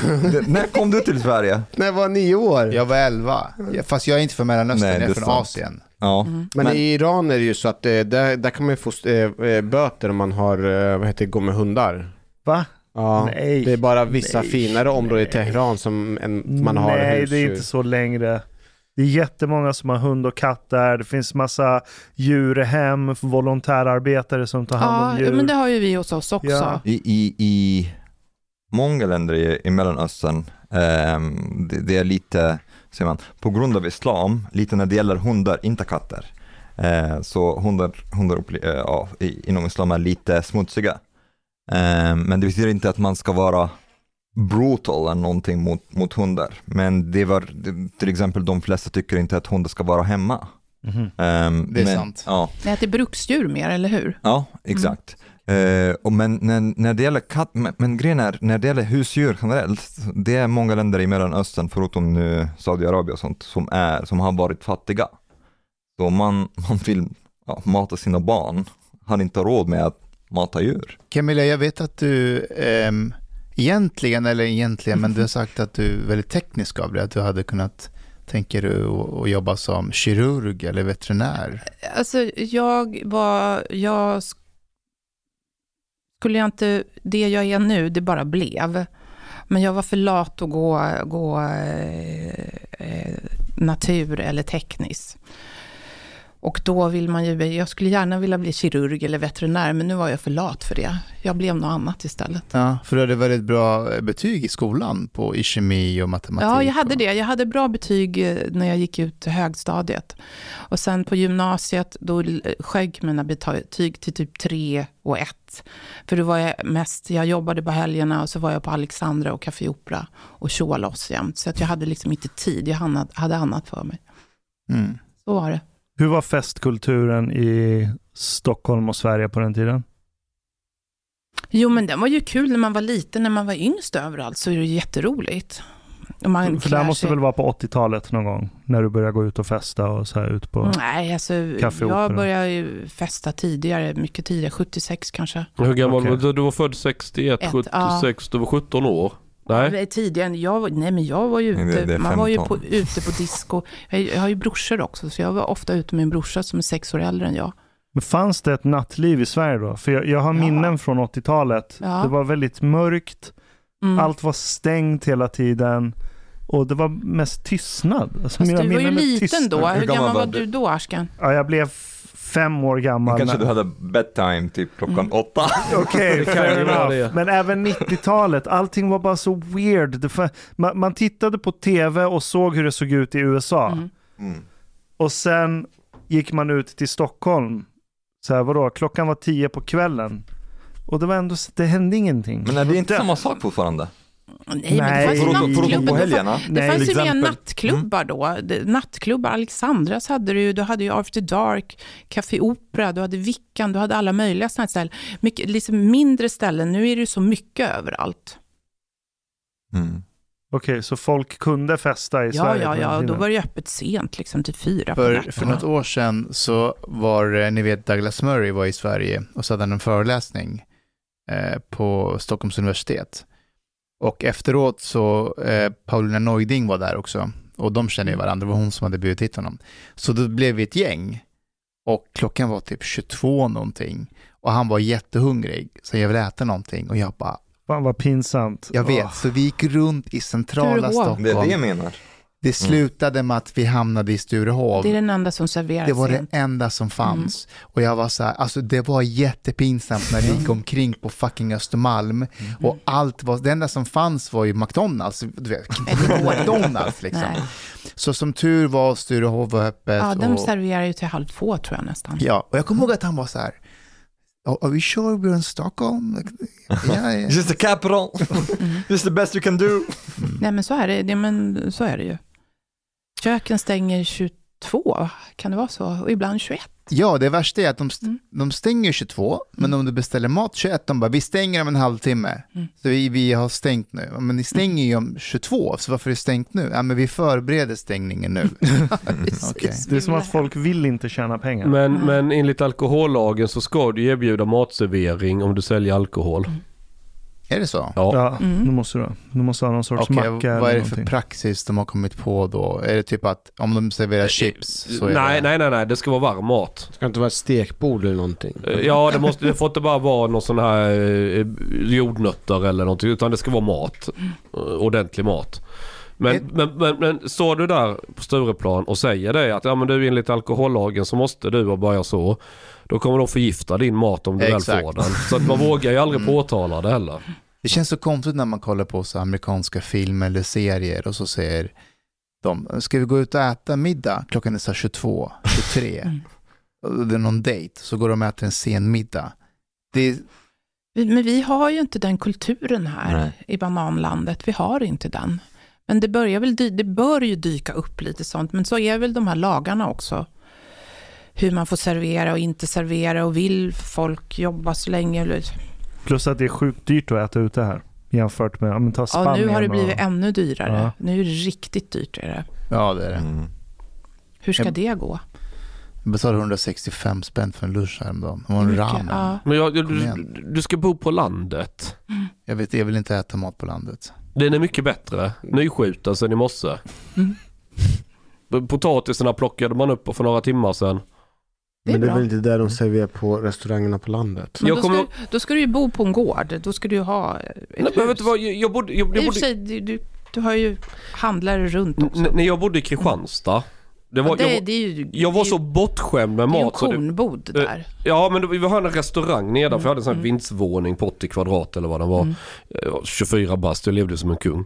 Nedanför var en restaurang, Barbecue. Den, alltså Kristianstad är ju en, sån här, det är en jätteliten stad men vi har flest restauranger listade i White Guide per capita i Sverige tror jag, i Kristianstad. Det är bra. Jag tror det är Va? så. Och den var, ja, White Guide är som en Jo, jag vet vad det är. sämre kopia av. Guide Ja. Michelin.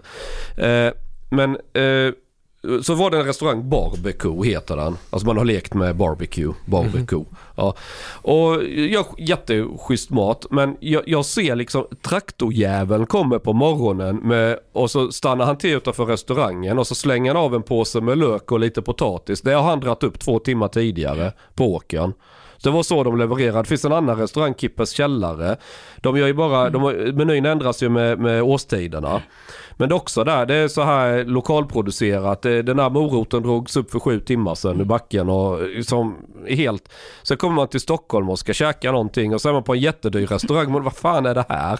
Alltså då fattar man hur bortskämd man var där nere och det var inte, det var billigt med. Har du käkat på restaurang i Stockholm någon gång, Chang? Ja, jag har varit på AG en gång med ni vet vem. Jag var ju inte Vi så, var, vi var ju där. Ja, just det. jag var ju inte sådär superimponerad. Visst, schysst okej det var bra men... mat. Det var ju skjutskäk vi fick. Ja, ja men alltså åk ner till Kristianstad på de här småhålorna. Men åk tillbaka till Kristianstad då, Chang. Ja, jag är fan Men Skåne har ju mycket fina restauranger överallt där. Det händer ju saker i varenda jävla buske där, eller på varenda åker Ja, får man men säga. det, är- det är en väldans skillnad på mat när den är helt färsk, alltså råvarorna. Ja, ja. Det gör en jätteskillnad. Men man, i Stockholm är det inte lika lätt att ha, alltså om du inte ska gå väldigt dyr prisklass. Mm. Men om, om vi byter ämne lite. Eh, Camilla, första gången vi träffades Är du för cannabis legalisering? Första gången vi träffades Ja. var när jag jobbade på GAP. Just det. Ja. Eh, men, eh, och du är en av, av eh, GAPs främsta supporters kanske kan man säga. Ja, jag har väl varit det åtminstone. Det, det borde ju vara fler som supportar dem, tycker Mm. man. Eh, Men, men, men vad fick dig att engagera dig i hedersfrågan och varför? Ja, eh, hederskulturen är ju superspeciell och eh, jag tror inte att den är så bra för varken kvinnor eller för män. Mm, Den är inte bra för någon. mm, hur man ska vakta på sin syster och kvinnor får inte göra det. Och jag menar, så ska man lära in en ung pojke de här grejerna också. Det är inget bra heller. Det, det, det, och så kommer man till Sverige och så får ungdomarna se, men de där får göra det och jag får inte göra det. Det- Alltså, det blir jättetokigt. Men har vi inte alltid haft hederskultur i Sverige? Det beror på, det, jo, det finns ju hederskultur, man är hederlig, absolut. Jaha, okej. Jag- kommer att tänka på en sak. Första gången jag mötte hederskultur, det var ju de här Sune-böckerna. För då var det alltid beskrivet hur det var någon, han, han blev kär i en tjej. Men hon hade stor, hon- men hon var från något annat land, jag vet inte vad. Mm. Och så hade hon storebrorsor som var jättefarliga. Så man fick, det fick absolut... Oj, vad intressant. Ja, det, Det måste ha står varit de... Bert va?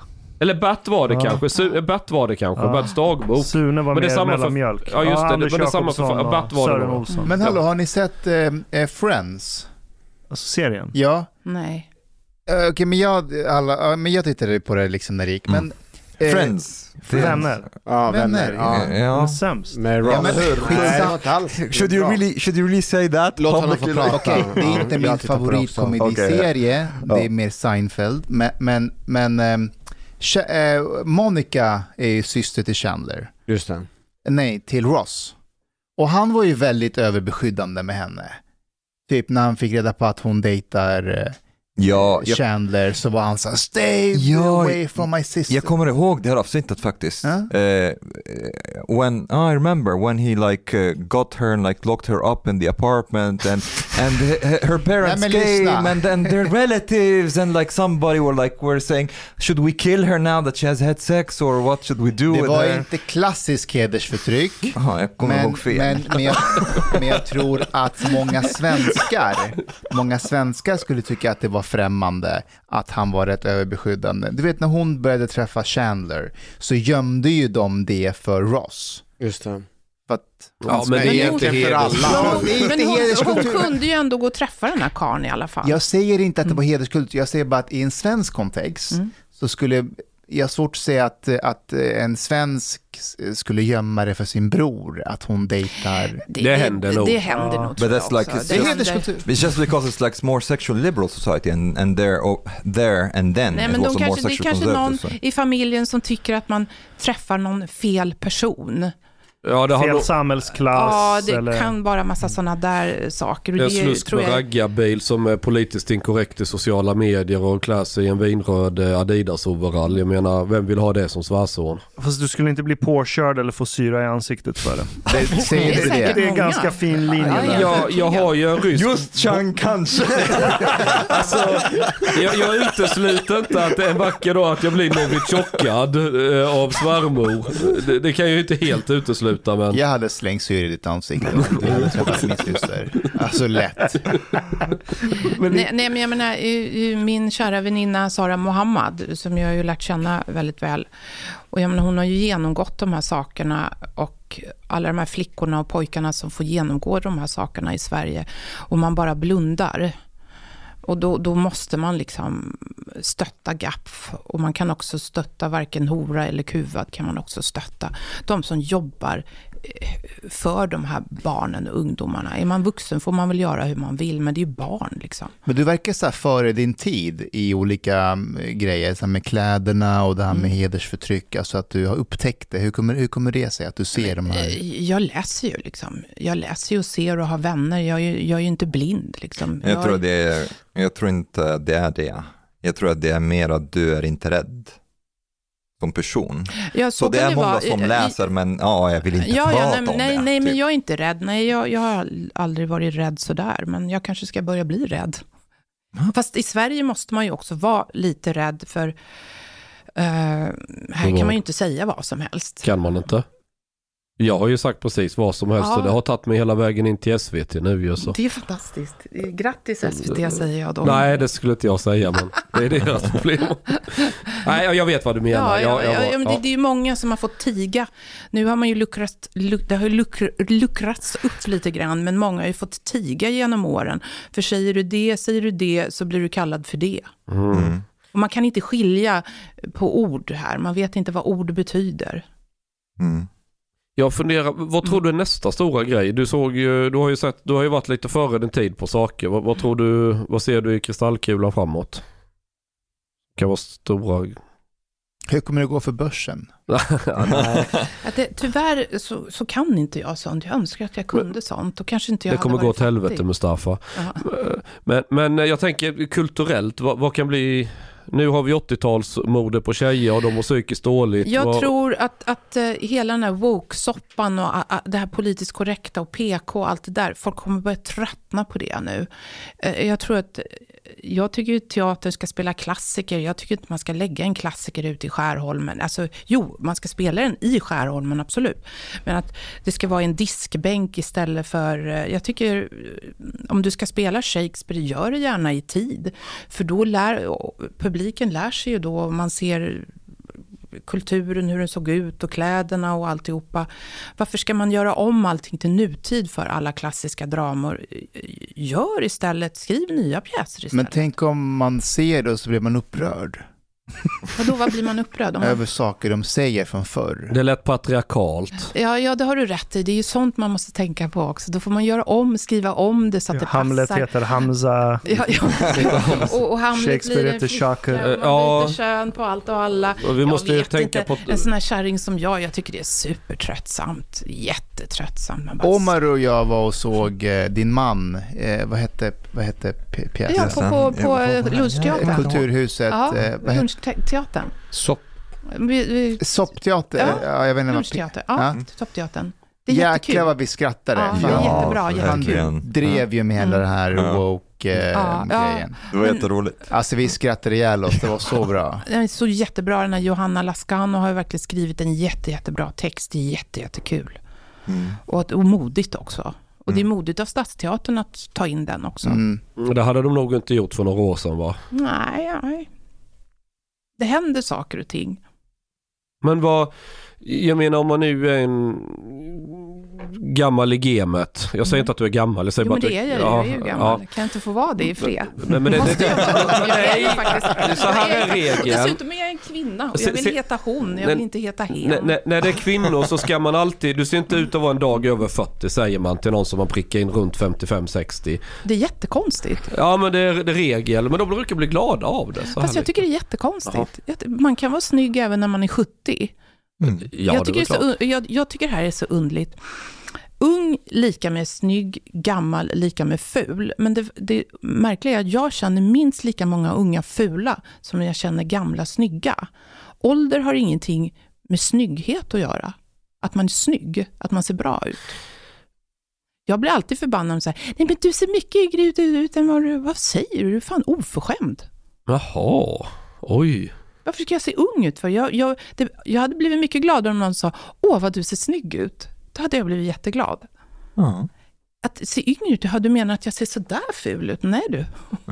Oj, oj, oj. oj, oj, oj. Mm. Ah, Tänk på den. lite pantertant sådär. Aha. Finns det, finns det något sätt Sverige skulle kunna förändras på så att du skulle vilja bo här mer än Turkiet? Vad skulle Sverige behöva ändras till då? Varmare. Varm, varmare. Okej, förutom vädret. Nu hänger jag inte med. Bor du i Turkiet? Jag har ett hus i Bodrum. Ja, det är Turkiet. Ja. Men, men det som var intressant också, Mm. eh, på tal om det, Mm. att du sa att du känner dig mer trygg där. Eller? Det händer ju ingenting i, i, i våran by. Och klart, jag skulle nog inte känna mig trygg om jag bodde i Istanbul till exempel. Mm. Men går jag hem klockan två en natt från byn, inte ett skit ingen ens skulle bry sig om. Ja, nej, men jag uppfattade det som, som att du menade mer trygg än i Sverige. Ja, jag skulle Jo. inte gå hem själv från Stureplan klockan två i natten nu. Det Då- gjorde då- jag alltid förut. då- Det skulle jag aldrig göra nu. Jag skulle säga att de flesta länder i Europa och närheten av Europa är betydligt tryggare än Sverige. Alltså även ett Mm. land som Ukraina är betydligt tryggare än Okej, Sverige. nu tar det jävligt Kanske inte just nu, men... Inte, ja, jo, i vä- västra Ja, delarna. jag kanske i olika delar. Ja, du har ju varit där. Ja, jag, jag, har- jag har Hängt snurrat runt runt både i Ja, Ukraina ja. och Ryssland och Vitryssland. Ja. Där jag känner mig mest otrygg var Vitryssland. Inte på grund av folket. Där skulle jag lägga... Regimen eller? Ja, för de, jag hade span på mig. Jag, det till och med min aj, jo det är sant. Det, jag, jag kan dra den anekdoten en gång, men vi blev ju, KGB, det heter fortfarande så där. De drog oss åt sidan och vi blev ju förhörda av hela konkarongen i två timmar eller något innan vi, ja, det var en annat sidospår. Nej, men, menar, Sverige är inte så jävla tryggt längre. Mm. Förut kunde man gå liksom från stan klockan två på natten, eller om man varit ute och fyllat till klockan tre. Då kunde man gå hem liksom ut med, med Skeppsbron. Det skulle jag aldrig göra idag. Jag har alltid gjort sånt gott. Men, men är det inte intressant att det... Men jag kan, om jag har varit på middag på stan, en privat middag och har hunden med mig, då kan jag gå hem. För att invandrare är rädda för hundar. Så, Nej, alla är rädda för hundar. Alla är rädda för hundar. Glöm inte det. Typ den hunden jag har. ja. Så det handlar inte om var man kommer ifrån, utan det var varenda frisk människa Den, bör den hunden slickar väl ihjäl eller något. Jag vet inte, den känns inte så... Nej, men varenda frisk människa bör vara rädd för en sån där hund på natten, oavsett var du kommer ifrån. Där Mm. var du en rasist. Jag, tror, jag tror att jag var rätt. rätt. Ja. Han kanske är rasist, men, men han hade nog en poäng. Men förutom tryggheten, finns Ja. det något annat som skulle kunna bli annorlunda i Sverige för att du skulle känna ja, men mer kärlek? Men Sverige är tråkigt till exempel. Mer kärlek. Ja, vadå? Man ska ha kärlek till sitt land, tycker jag. Ja, Sverige är ju bra, men nu tycker jag att på senare år tycker jag att det har blivit väldigt tokigt. Eh, till exempel, ska du gå till doktorn, då måste du först gå till någon jävla vårdcentral och det ska någon doktor kolla och sen tar det tusen år. Så min mamma som är 92 år, då ska hon först gå till vårdcentralen och få en tid. Hon blir remitterad till ögondoktorn och så får hon, ja du ska få en tid om tre månader säger de. Då säger jag så här, men då kanske inte min mamma finns längre. Det är ju jättekonstigt, hon är 92 år. Skicka kärringen till ögondoktorn nu. Och var Hon det så förut? F- Alltså, jag menar, för 20 år sedan så var det enklare. Om jag tittar bara på i Turkiet, där fick jag mina fick jag covid-sprutor före här. Jag kan gå till sjukhuset, ringa till sjukhuset, hej. Jag, jag måste, kan någon kolla på mina ögon? Ja, ögonprofessor eh, Skur, han tar emot Men privat, eller hur? Ja, Ja, men alla får gå vård. till det. Ja. Men det, är inte dyrt, det, är inte, det kostar inte en massa liksom. Det är inte skitdyrt, det är inte jättedyrt. Ja, men, men, eh, nej. Och då har du återbesök. Du har återbesök för typ 450-500 turkish lira. mm. Alltså m- Men på köp, köpkraften också. Till exempel i Egypten, Mm. det, det finns ehm, offentlig vård och det finns privat vård. Varför ler du? Jag tänkte att han ville berätta hur det är i Om Kanada. Ja, men, men, men till exempel om, om man är fattig, man har inte råd med privat vård Nej. Eh, och då måste man vänta typ flera år. Nej, men, men så är det inte. På, på, där i Bodrum, där finns det både eh, kommunsjukhus som är bra, det finns privata sjukhus, det finns lite allt. Så folk går både till kommunsjukhuset och till privata sjukhus. Ofta går man till kommunsjukhuset och blir röntgad. Så tar man med sig plåtarna och går till det andra sjukhuset. Man går runt lite. Men det låter lite som Kroatien och forna Jugoslavien Ja, eller, eller så. Ja. Jag var ju där, jag har ju Eh, om, om jag går till doktorn, jag har glömt någon medicin hemma eller behöver något. Eller Malou, eh, dottern, hon fick... eh, Mm. Öroninflammation. Ja, det var någonting, Mm, mm, mm. någonting sånt, ja, öroninflammation. En kvart, sen var det löst. De Mm. bara går ner till lokala... Här är det svårt att ringa bara till en doktor. Hej, jag har ont, kan jag komma? Nej. Nej, där är det så. Du bara kommer, ja mm. vänta fem minuter, jag ska bara bli klar med något. Så kommer man, jaha Ja. vad det här då? Ja, du behöver detta. Ja, men då får du. Pang, tack, hej. Mm. Men har det inte att göra med att om det skulle vara så pass enkelt då skulle alla gå till läkaren hela tiden och man vill försvåra helt Nej, det enkelt? tror jag inte på. Jag tror Men varför att, funkar att, det i andra länder här? Ja, här funkar ju... jag Det inte, tråkiga det med vårt land konstigt. är att mycket Privat saker inte vård, funkar vi. längre. Liksom. Det är det som Mm. det borde göra. Vi betalar ändå extremt med hög skatt här Ja, i det gör Sverige. vi. Ja, men lösningen är nog ännu mer skatter. Jag vet. Jag vet. Ja, Jag mer, med mer stat, Ja, mer ja. stat. Mer, vi måste betala ännu mer i skatt. Ja, det, det är därför. Mm. Är det vanligt, eh, finns det någon egenföretagare som röstar vänster? Som du har stött på? Det kan det säkert finnas. Det, det, det finns det säkert av liksom några slags gamla vänsteridéer från ungdomen. eh, Helt, och då har de oftast jävligt gott om pengar.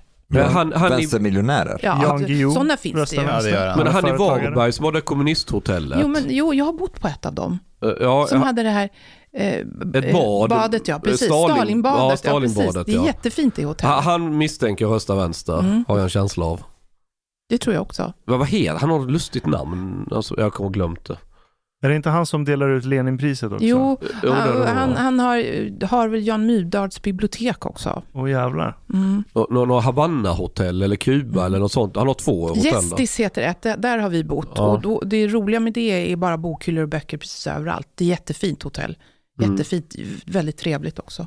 Men är det inte för att många i det här landet Mm. vet egentligen inte hur mycket skatt man betalar? För folk ser ju bara sin kommunalskatt. Känns är inte det alltid. 30 Nej, men sen procent ser de inte liksom som jag har anställda. Jag, jag betalar ju löner och det är ju arbetsgivaravgifter och det är pensioner. Det är hardcore. Så att sådana här små skuttar som jag som typ har sex, sju anställda. Vi tjänar ju inga pengar eftersom jag håller på med produktion. Jag håller ju inte på med värdepapper eller en HR-människa eller jag sitter inte och, och är en konsult och lurar folk utan jag, Eller föreläser. Det har jag gjort. Men jag tröttnar på det. Det är flera här som föreläser. Alla här föreläser. Och jag, Förutom du. nej, jag, jag säljer elavtal. Det tycker jag är bra. Jag kanske ska ha, ha el hos dig. Du kan, vara min, eh, du kan hjälpa till som art director på mitt elbolag. Absolut. Det ska jag göra med glädje. jag, jag, jag gillar väldigt... Tobbe blir ledsen nu. Ja, har, har du, såg du min staty jag gjorde och ställde framför LO-borgen?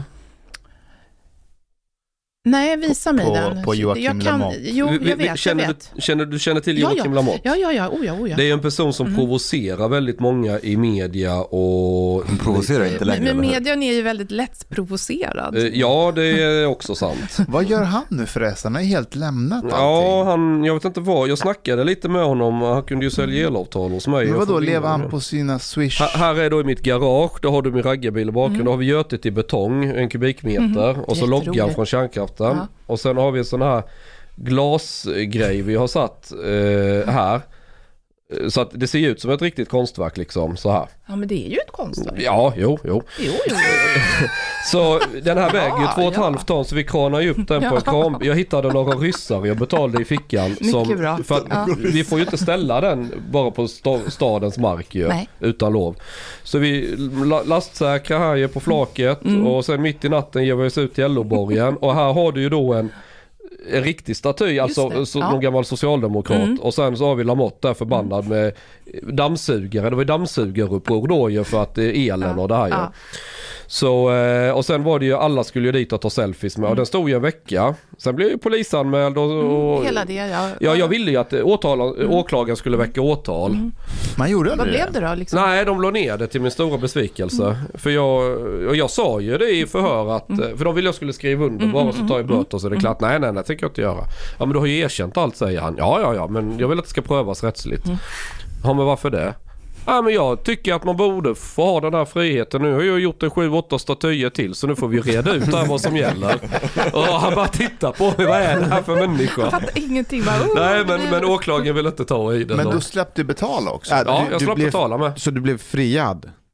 Ja men fria, du, du är ju inte dömd förrän du är dömd. Alltså, Nej, nej du, du har inte, Ja men, men åklagaren vill inte driva det. De, De, la ner fallet helt enkelt. ja, de tyckte att det var en motivering att det, det upp eventuella straffet för böter då, det är ju brott mot ordningslagen. Det motiverar inte kostnaden för att dra igång en rättegång. Men med det resonemanget så kan du bryta mot ordningslagen hela tiden då för de tycker att det inte är lönt att, att, att utreda. Alltså det blir en väldigt konstig Det där är en logik. konstig motivering Ja men, men det var någonting, Ja. alltså, det var skrivet på ett visst sätt. Nej men jag har sett den motiveringen förut. Att det skulle kosta mer. Så Ja, det. Fan. Alltså, Ur allmän synpunkt så är det inte motiverat att, att hålla på med det här. eh, Liksom, Någonting sånt. Men det är klart, fortsätter jag göra statyer så kanske man eh, gör något. Alltså är det något jag ska åka dit på så ska det vara en sån grej. Ja. Det hade jag... Ja, du gör fina statyer och ställer ut. Av lite jag- olika personligheter som du tycker Jag, om. jag, jag, jag, har ju, jag förberedde mig väldigt noga juridiskt hur, hur jag skulle plädera såklart. för detta Ja, ja. i tingsrätten också. Om vi jämför svensk feminism idag Mm. med hur det var i, eh, på 70-talet och 80-talet, Mm. vad, vad skulle du säga är skillnaden? Alltså jag personligen har ju aldrig tillbedjat feminismen. Jag är ju en humanist. Jag har bara bröder, så jag har liksom aldrig varit ingeggad i det där. Du är vän med. Alexander Bard så lite. Ja, jag är så gubbar överlag. Och då är det så här att jag, jag kan inte dela in folk i kön, sexualitet, ålder, Hur vet du om Hudfärg. kön finns om du inte kan dela in dem? Jag vet att det finns. Jag vet att vissa tycker inte att det finns kön, men det är olika. Jag känner också folk med olika kön. Hur menar du? Både, både har ett manligt könsorgan och kvinnlig byst och Ja, ja, ja. sådana möjliga ja. intressanta Intersex, varianter. typ. Ja, kan vara lite vad som. Men så jag kan inte dela in folk så där. Jag orkar inte. Det finns idioter både här och där, både bland män och kvinnor. Men när du säger att du är inte feminist utan humanist, vad är det för värdering du lägger där? I Vad sa du, just- vad- är- eh, Nej men när du säger att du är humanist jag, istället jag, för... jag, jag kan inte dela in folk i kön, för det finns lika mycket idiotiska kvinnor som det finns idiotiska män. Det finns otroligt mycket bra, trevliga män och nu för tiden, de här nya generationerna som ni tillhör, har, har ju inget patriarkalt för er överhuvudtaget. Men, men om jag skulle vara, jag spelar lite djävulens advokat, Mm. eh, en feminist skulle säga, ja men feminism handlar bara om jämställdhet. Så det, det, det handlar bara om det. Det är, Är du inte att dela för upp. jämställdhet? Ja, exakt. Eh, Jag har alltid varit för jämställdhet. Är Sverige ett jämställt land? För, om, om, om man jämför med många andra länder, absolut är det så. Var, var, Idag tjänar ju många kvinnor mer pengar än män. men borde, borde det inte vara lika många kvinnor som är ja, men, dataingenjörer som män? Men jag tror många kvinnor inte är intresserade. Det är det. Man får aldrig glömma bort att folk väljer ju vad de vill bli. Mm. Och man försöker ju... Eh, jag tror att man måste låta folk välja. Idag kan tjejer bli dataingenjörer som vill, vill bli det. På KTH går det brudar. Idag blir fler kvinnor utexaminerade som läkare och veterinärer. Förut var det bara mest män. Så att kvinnor väljer själv vilka yrken de vill ha. Okej, du kan ju inte gå in på läkarlinjen eller vad fan det är om du inte har betyg för det. Men, men, men när de där. väljer fel så det inte blir 50-50 i varje yrke, hur ska vi korrigera svårt. det? Ja, det är jättesvårt. Vi måste lagstifta tror jag. Vi måste ha... Nej, jag är emot allt sånt. Är, är Det kan inte vara 50-50. Men är inte det definitionen av exakt millimeterprecis rättvisa? Att alla känner Jo, exakt, men det kommer ser aldrig bli likadana så. ut? Och Och, Människor är inte sådana. Människan kommer aldrig bli sån. Men om man tvingar dem? Man försöker ju, men jag tror inte det går. Jag är hemskt ledsen. Folk vill välja. Och sen är det ju... Men hur ska vi kunna uppnå ett mångkulturellt samhälle om inte alla är exakt likadana? riktigt mångfald. Nej, eh, alltså jag tror ju till exempel... Jag känner ju till sådana här fall där kvinnor som är höga chefer, asduktiga, alltså tipptopp, som flyger jorden runt. De är i Singapore ena dagen, de är här och där på styrelsemöte, bla bla bla. Och vad, de, vad, de, vad som händer med dem sen, de hinner aldrig träffa någon, Nej. vare sig en kvinna eller en man. Eh, Plötsligt så är de 43 år Och Men jag vill paniken. ha, ja, panik, jag vill ha barn. Jag vill, och, och, och de har inte lyckats bonda med någon. Nej. Då blir det liksom, då, då åker de och inseminerar sig någonstans i panik liksom. Och det får man ju göra, men det är sorgligt. Ett, ett barn skulle ju behöva i alla fall till en början ha två vuxna människor man växer upp med. Sen har jag ingen åsikt om det är två män, två kvinnor eller en man och en kvinna. Det spelar ingen roll, bara det är två vuxna människor. Det här är väldigt känslig mark. Mm. För jag, jag har varit inne på det också. Att de här karriärkvinnorna mår egentligen jävligt dåligt. För att de vill göra som männen men för många, sen upptäcker de när det är för sent. Att oj jag vill ju ha barn och allt det här, nu är Mm. det tåget gått. Och det här är ju väldigt, Det är svårt. när man Så det, argumenterar, om man Mm, pratar om mm, detta så mm. hamnar man väldigt snabbt i den här boxen. Ärkereaktionär, konservativ, eh, patriarkal. eh, Ja, eh, dark enlightenment precis som, ja, att, att man, nu, nu ska vi skruva tillbaka till innan upplysningen och, Mm. och hej och hå. Mm. Men det är väl liksom biologins klocka också. Människor är ju så här. Och då, då de här damerna som har jobbat ihjäl sig, skillnad är om du, om, om du tycker att du väljer det och inte vill bilda familj. Du och, och Johan till exempel, Ja, du, ni har valt det.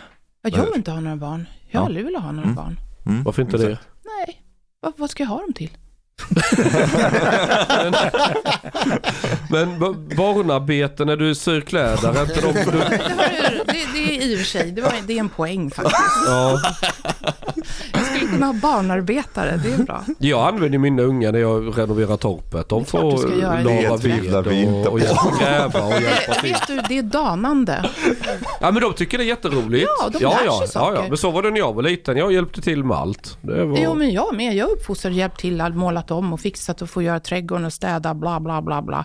Nej, men, nej, men folk som vill ha barn ska ju givetvis ha barn. Det är inget mer med det. Ja, det bara blev så i mitt fall. Det var aldrig, jag hann aldrig, ja. Han aldrig reagerar. Eh, Nej, jag hade känt tjejen i mm, sex veckor tror jag. Vi hade träffats kanske åtta gånger. Mm. Sen kommer hon och säger att hon är gravid. Det händer ibland. Ja, sånt händer ju så. Sen det- skaffar vi en till då ju liksom. ja, och det är samma undrar. kvinna. Ja, ja, ja. Mycket ja, bra. Ja, jo då, jo då. Det tio år nu så. Ja, det är många vuxenpoäng, Chang. Ja, jag vet inte vad jag, liksom det bara hände. Jag, jag vet ju inte hur det gick till eller Tror något. du att det gjorde att du växte upp lite också? Nej. Jag håller fortfarande på med raggarbil och massa Jo, dumheter. jag vet, Och... men, men att du tog Men tag... raggarbilar kan du ju inte hålla på med om du inte är vuxen. Nej, Jag hade raggarbil innan jag hade barn eh, och så. Men, ja, jag blev Men inte så flott som nu. Men däremot, jag skulle säga, ja, nej den var, den var rätt äcklig den Mm. raggarbilen jag hade då. Den här jag har nu är lite finare. Men, men eh, om det är en sak som har hänt är att man får mycket mer rutin än vad man hade innan. Jag är en, jag är en väldigt kaosmänniska. Men nu är det väldigt mer rutin med saker för ungarna ska lämnas på dagis och skola, de ska hämtas i Berätta hur tid. en vanlig dag ser ut för dig när du går upp. När går du upp? Eh, sju, eh, kvart över sju kanske någonting sånt. Du ligger ju oftast i sängen när jag ringer till dig. Eh, ja men du, du ringer oftast ganska innan lunch. Mhm. Eh, Och du tar en siesta eller? Ja men det är lite så här, man, man tar ett ryck, för jag jobbar hemifrån, Mm. Hur Så- gamla är barnen? eh, sju och nio. Mm. Så de ska till skolan, nu kan de börja gå och cykla själv till skolan, så, för det är inte sådär jättelångt så det är inte varje morgon man. Men man, man måste ändå stiga upp, se till att de har ätit frukost och klätt på sig och alltihopa och hej med dem. Sen sätter man sig väl vid datorn, går igenom mejlen, det vanliga. Hej och svarar mycket. Jag har två programmerare i Ukraina. De ska få instruktioner Mm. vad som ska göras och alltid är det något problem som ska lösas och hej. Och, och sen, tiden går väldigt fort när man väl sätter sig vid datorn. Men sen vid lunch så drar vi och käkar någonstans, käkar lunch. Sen vill Paulina oftast pippa efter lunch av någon anledning. Det är hennes, eh, hon har mat och sovklocka men efter lunch då... då Och då måste du ställa upp. Är ja, jobbigt, så då, då, går, då försvinner fyra minuter på det. Sen är man klar. Mm.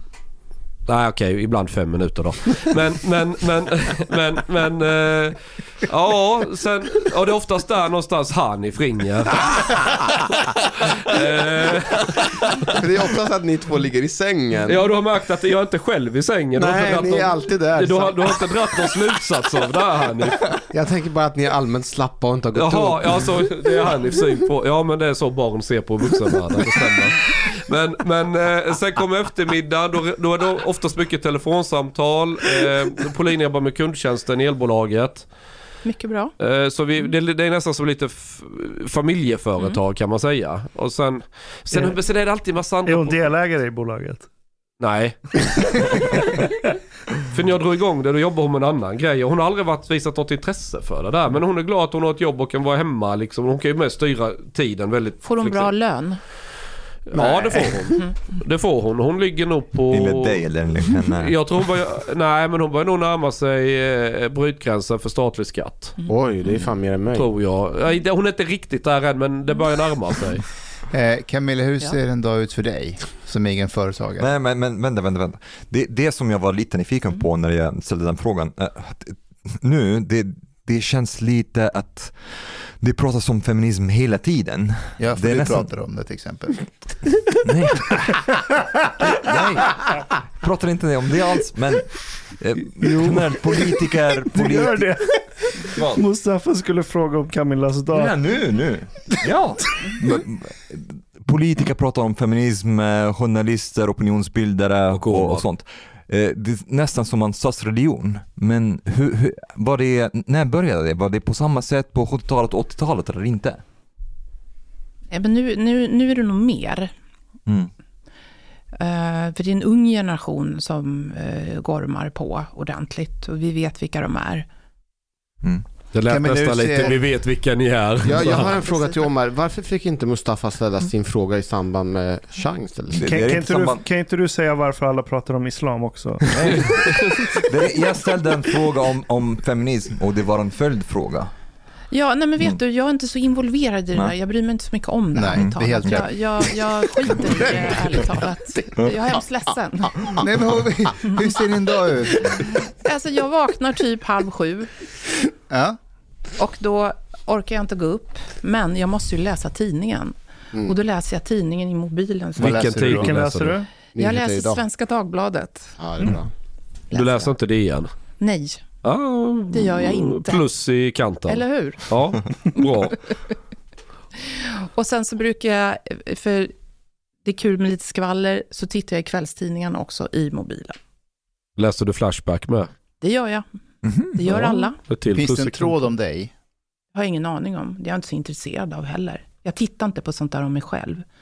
Jag är inte så intresserad. Jag är inte så fixerad vid mig Så själv. skvallret om dig, det bryr du dig inte så mycket om? Nej, skiter jag fullkomligt i.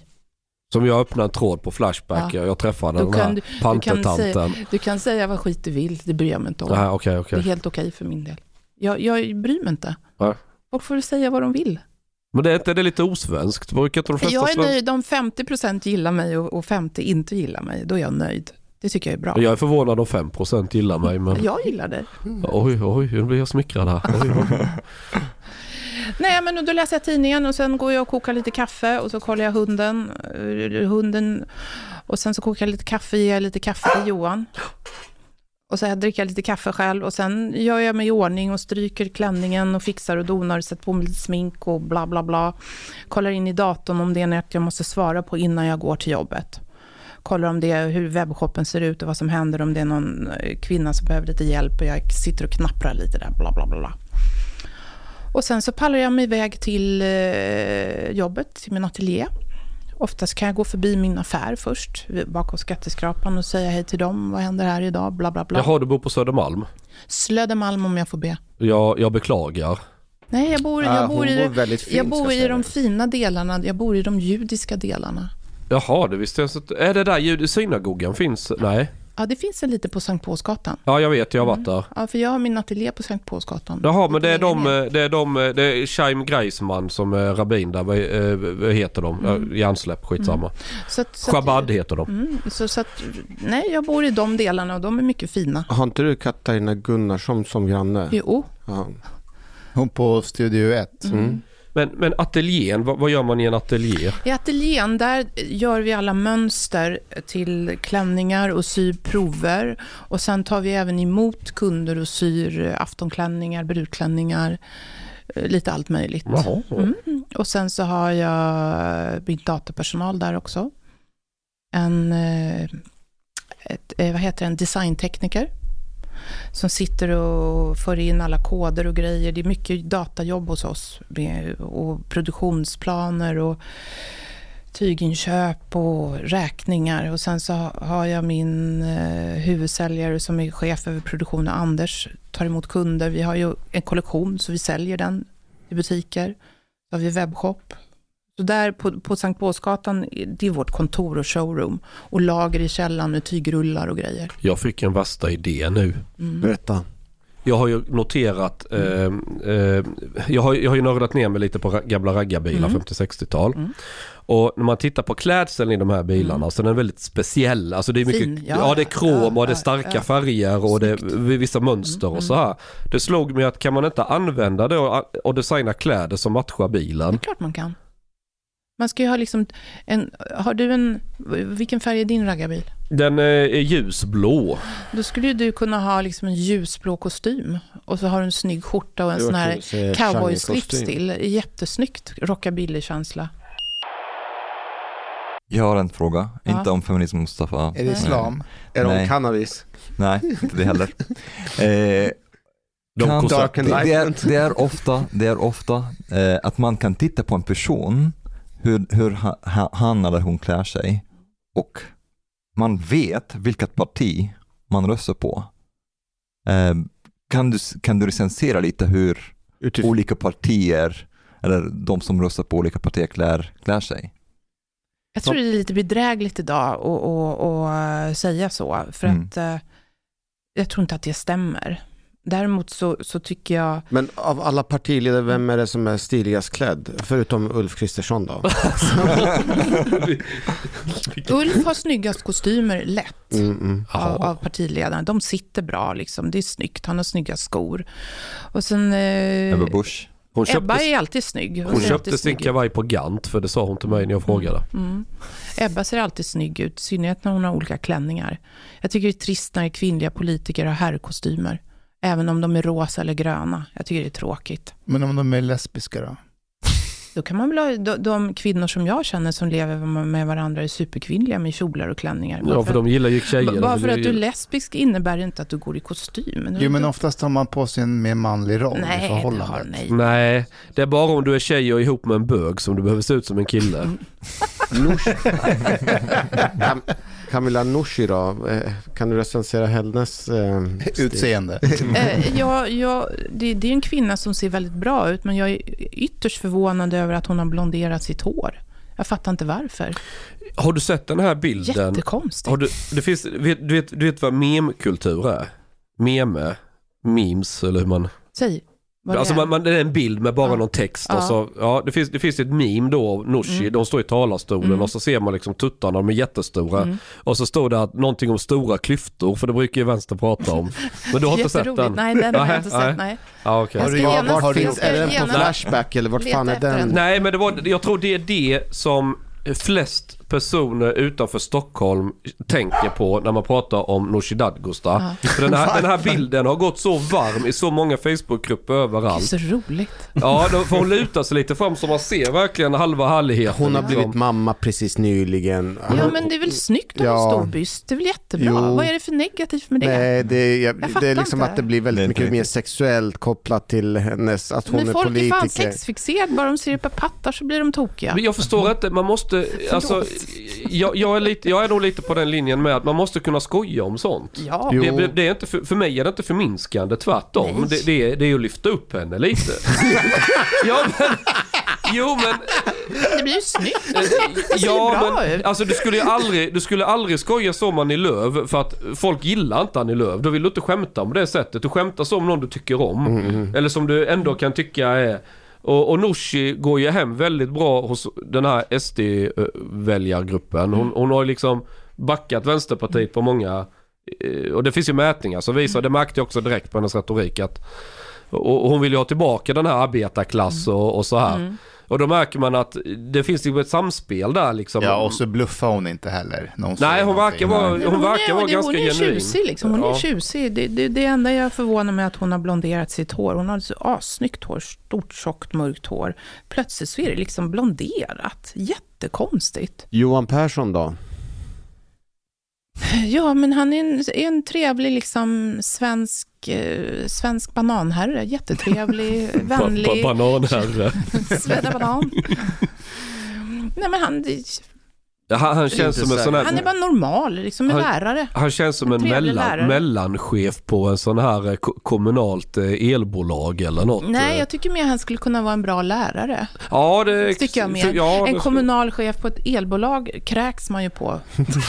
Men de klär sig lite som han. eh, Det är lite samma energi. Han ser normal ut. Ja. Han ser helt okej ut tycker jag. Han ser ut som att han tar en öl extra på kvällarna. Det kan man väl få göra. Ja, det är helt okej. Ja. Varför kräks man på kommunala mellanchefer på ett elbolag? Eh, Jag hatar elbolag, men nu kanske jag ska få ett elbolag jag tycker om. Eh, Jag vi- har jättesvårt för elbolag. Vi är det på, Jag känner mig lurad, grundlurad. va, va, varför då? Det kommer inte bli bättre med kärnkraft. är elen, är död? Då har jag någon att skälla på. Ja, så. Då, då, då, då kan jag ta kontakt med chefen direkt. Men ett elbolag, de skickar bara ut massa reklam. All jävla reklam de sänder ut i mejlen och i brev. Förstår ni vad det kostar? Folk vill bara betala sin jävla el och sen är det klart. Sänk elpriserna, sluta med HR-chefer och reklamchefer och marknadschefer. Har ni, har ni HR-chef och HR-avdelning på Camilla Thulin? Ja, det är jag. Är det du? Ja, va, va, hur har ni landat i att ni inte behöver en HR-avdelning? Därför att det var sex Därför att- anställda. Därför att det är jag som är HR-avdelningen också. Därför att Så vi behöver ingen HR-avdelning. Äger du ditt eget företag så borde Ja. du väl ha koll på vilken jävla personal du har. Nej, men jag vill lära mig om olika sorts företagskulturer. Va, eh, Jag tror, jag tror att eh, jag, mitt företag har inte råd med en HR-chef. Vi behöver ingen HR-chef. Jag är HR-chefen själv. Jag är både toalettstäderska, HR-chef, eh, soptömmerska, städerska och eh, chef. hur, hur jobbar ni för att eh, det ska inte mot diskriminering och sånt på bolaget? Eh, vi har ingen sån på vår jobb. Det är alla, alla kategorier jobbar hos mig. Mm. Så Är inte en av dina främsta designer som syr afghan? Jo, Ja. alltså min eh, huvudtillskärare och huvudskräddare är afghan. Ja. Han är helt makalös. Ser man, typ afghaner kan. Han, han är ett geni, fullständigt geni, en underbar människa. Wow. Så, Alltså det är inget ensamkommande. Nej, de skulle aldrig vara så skickliga som han, för han är 36 år och han har Okej. sytt sedan han var 10. Och eh, de... Är du säker på att han är 36? ja, ja, eftersom han inte är ensamkommande, jag är fullständigt Han säker. skulle kunna vara 55 egentligen och säga att han är 36. Ja, kanske, men jag tror inte det. Om du Ja. ser honom så ser du det. Så Han ser jag- ut som en 36-åring. Ja. Han ser helt normal ut. Hej podej, min vän. Lyssna på mig nu. Du emiket fin människa. Du har betalat bilet på klubbzista måltid. En mycket fin radioprogram i Sverige. Tak vare dig så är det möjligt för grabbarna att shoppa kaffe latte ute på torget. Betalar kningar. Shoppa blodpudding till familjen. Oka tunnelbana. Eller dricka en kall Norrlands guld på uteservering. Ibland. Dit bidrak jor grabbarna mycket glada. Dit stot jorzista måltid möjlig, helt enkelt. Tak, min vän.